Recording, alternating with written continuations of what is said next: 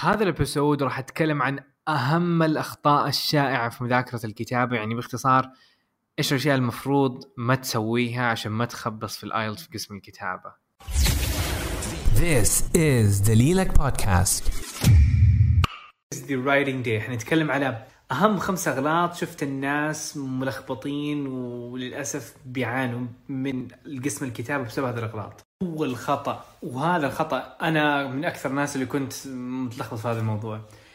إحنا مشكلتنا ومعاناتنا من قسم الكتابة مو إنه ما عندي جرامر وما حد يصلح يصحح لي إخطائي. إنه إحنا ما نكتب أصلا. أسألكم سؤال هل أنت في حياتك كتبت أكثر من صفحتين بشكل متواصل بالإنجلش؟ يعني في اختبار ايلتس بتكتب أربع صفحات متواصلة في ساعة واحدة. أنا بسألك في حياتك هل كتبت؟ أنا بالنسبة لي ما كتبت أكثر من نص صفحة. وبسببها ما نعرف نكتب وبسببها ما عندنا أفكار لأنه ما كتبنا ما تعودنا على الكتاب حتى بعض الناس بالعربي كمان ما يعرف يكتب لأنه ما هو ما تعود مو إنه ما عنده ما يعرف عربي إنه ما تعود على مهارة الكتابة ومهارة التعبير والوصف. الإملاء وال spelling جدا مكركب. ليش؟ لأنه ما قاعدين نكتب. كيف حتعرف ال spelling وأنت ما كتبت شيء؟ ما حتحفظ ال spelling بعدين حتكتب. أول حاجة حتكتب وتتعلم من اخطائك في نفس الوقت. اللي موجودة عندنا نقول لك عبد الرحمن أنا كيف أكتب؟ ترى هذا كلام أنا كنت أفكر فيه. أنا كيف أكتب؟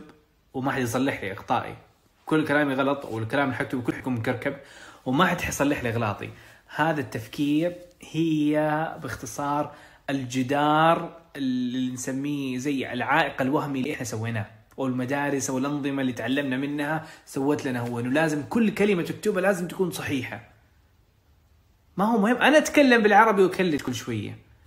It doesn't matter the idea is delivered that's it. المشكلة هنا إيش؟ إنه مين قال لك إنه كلامك اللي كتبته غلط؟ إحنا عارفين 80% من أغلاطنا. وأنا قاعد أكتب الكلمة أقول هذا ال spelling ما أعرفه. طبعا مين قال لك إنك تحتاج مجرد مدرس يقول لك إنه هذه الكلمة غلط؟ أو هذا ال spelling غلط. أنت عارف إنك ما أنت عارف ال spelling which means وهذا أصلا نص أو أفضل طريقة إنك تتعلم ال spelling لما تعرف إنه هذه الكلمة ال spelling حقها ما بتعرفها وما أنت متأكد منها هذا يعتبر حل مشكلة ال spelling على سبيل المثال. الأفكار نفس الفكرة. أول مرة لما تفكر حيكون شيء صعب جدا. فمشكلتنا أو الغلط الأساسي في قسم الكتابة ومعاناتنا فيه إنه ما قاعدين نكتب كتابة حرة كل يوم. هذا كلام قلته كثير وللأسف ما ركزت عليه لأنه أعرف الكل يسحب عليه. لكن حاجة جد إذا أنت تبغى تتخلص من قسم الكتاب وتتعود عليه مهما كان مستواك. أنا شفت ناس كتبوا سطرين في 10 دقائق عندي في, في ورش العمل. 10 دقائق يعتبر شيء جدا بخيس وشيء جدا صغير. لكن استمروا على هذا الموضوع. صدقوني بعد 10 أيام قال لي عبد الرحمن الشيء أنت سويته دحين؟ أنا استمريت عليه. دحين يمديني أكتب صفحة كاملة في 10 دقائق. من سطرين. Nothing. مو قواعد مو جرامر ما يحتاج مصحح. الشيء إذا أنت يمديك تأخذ 80 صح. إذا كان معاك مصحح ويصحح لك هذه فائدة إضافية. لكن أنت يمديك تستغل أو تأخذ 80% من الفائدة وأنت جالس في بيتك في 10 دقائق كل يوم تكتب عن أي موضوع تختاره أي موضوع مألوف. مثلا وظيفتي دراستي يومي هواياتي إيش اللي سويته اليوم إيش شيء أنا أفتخر فيه أو ممتن فيه في حياتي أكتب عنه عشرة دقائق متواصله بدون ما توقف القلم. هذا الشرط الوحيد وهذا الشيء الوحيد إذا سويت عليه يوميا. ترى أسبوع وبوعدك إنك حتقول عبد الرحمن أنا في قسم الكتابة حتى من أول مرة. فرش العمل كثير. أحط مؤقت كذا قدام وأقول يلا أكتبوا عن أي موضوع تبي تتكلموا عنه نبذة عنك أي حاجة لمدة عشرة دقائق لا توقف القلم اختار أي موضوع وحاول تستخدم أقوى لغة تقدر تستخدمها أقوى ال vocabulary أقوى ال grammar واكتب لمدة 10 دقائق متواصلة. That's it هذه الحركة إذا سويتها يوميا في أيام حتلاقي إنك قاعد تتحسن في أيام. طبعا بعد ما تخلص ممكن تاخذ لك جولة مراجعة الكلمات الصعبة وال vocab اللي ما تعرفه. ممكن تبحث عنه في جوجل تعرف ال spelling الصح. That's it هذه دورة متكاملة لقصد لتطوير مهارة الكتابة. والكل يكرهها وباني كذا جدار وهمي لا لازم يكون معي مدرس. مدرس ممكن يفيدك قد كذا. كل الكلام الباقي عليك.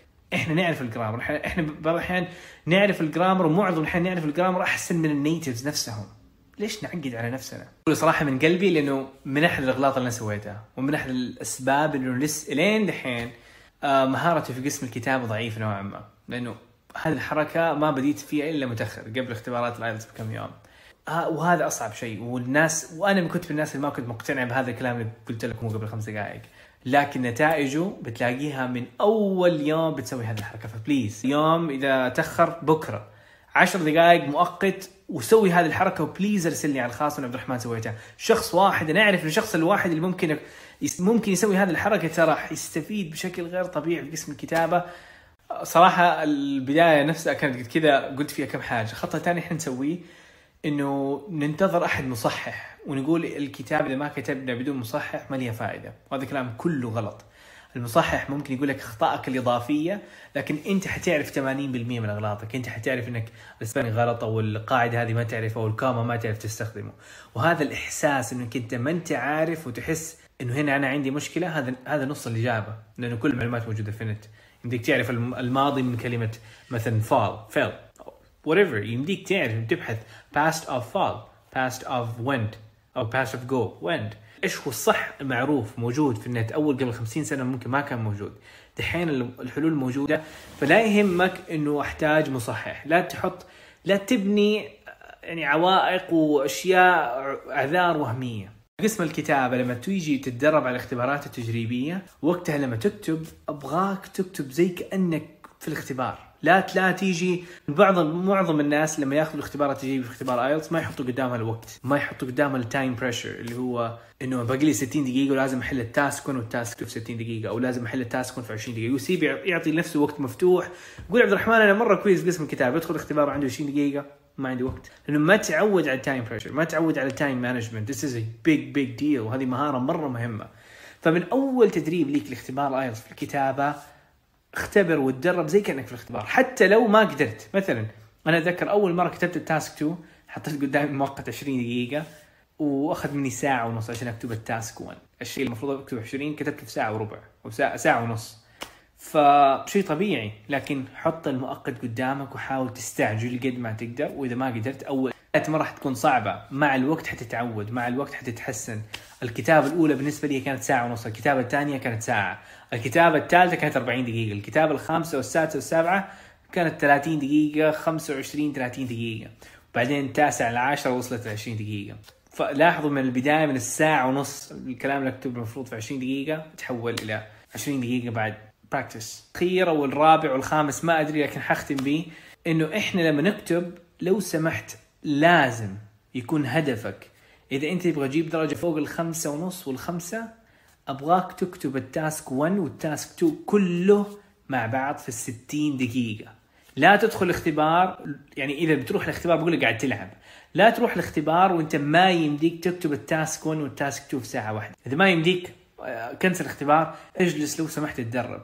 لأنه عد الكلمات إنك تكتب task 1 و task 2 حسب الكلمات المطلوبة اللي هي 150 كلمة لل task 1 و250 كلمة لل task 2 حاجة أساسية. هذه أول حاجة المختبر يسويها.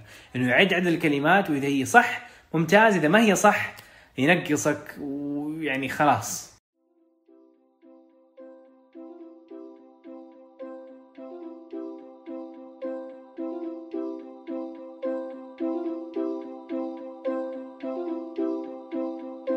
Thank you so much for listening. مرة مقدر اهتمامك واستماعك ودعمك. فهذه الأيام صراحة بحاول إنه أعطي أفضل ما عندي وإنه أساعد الجميع.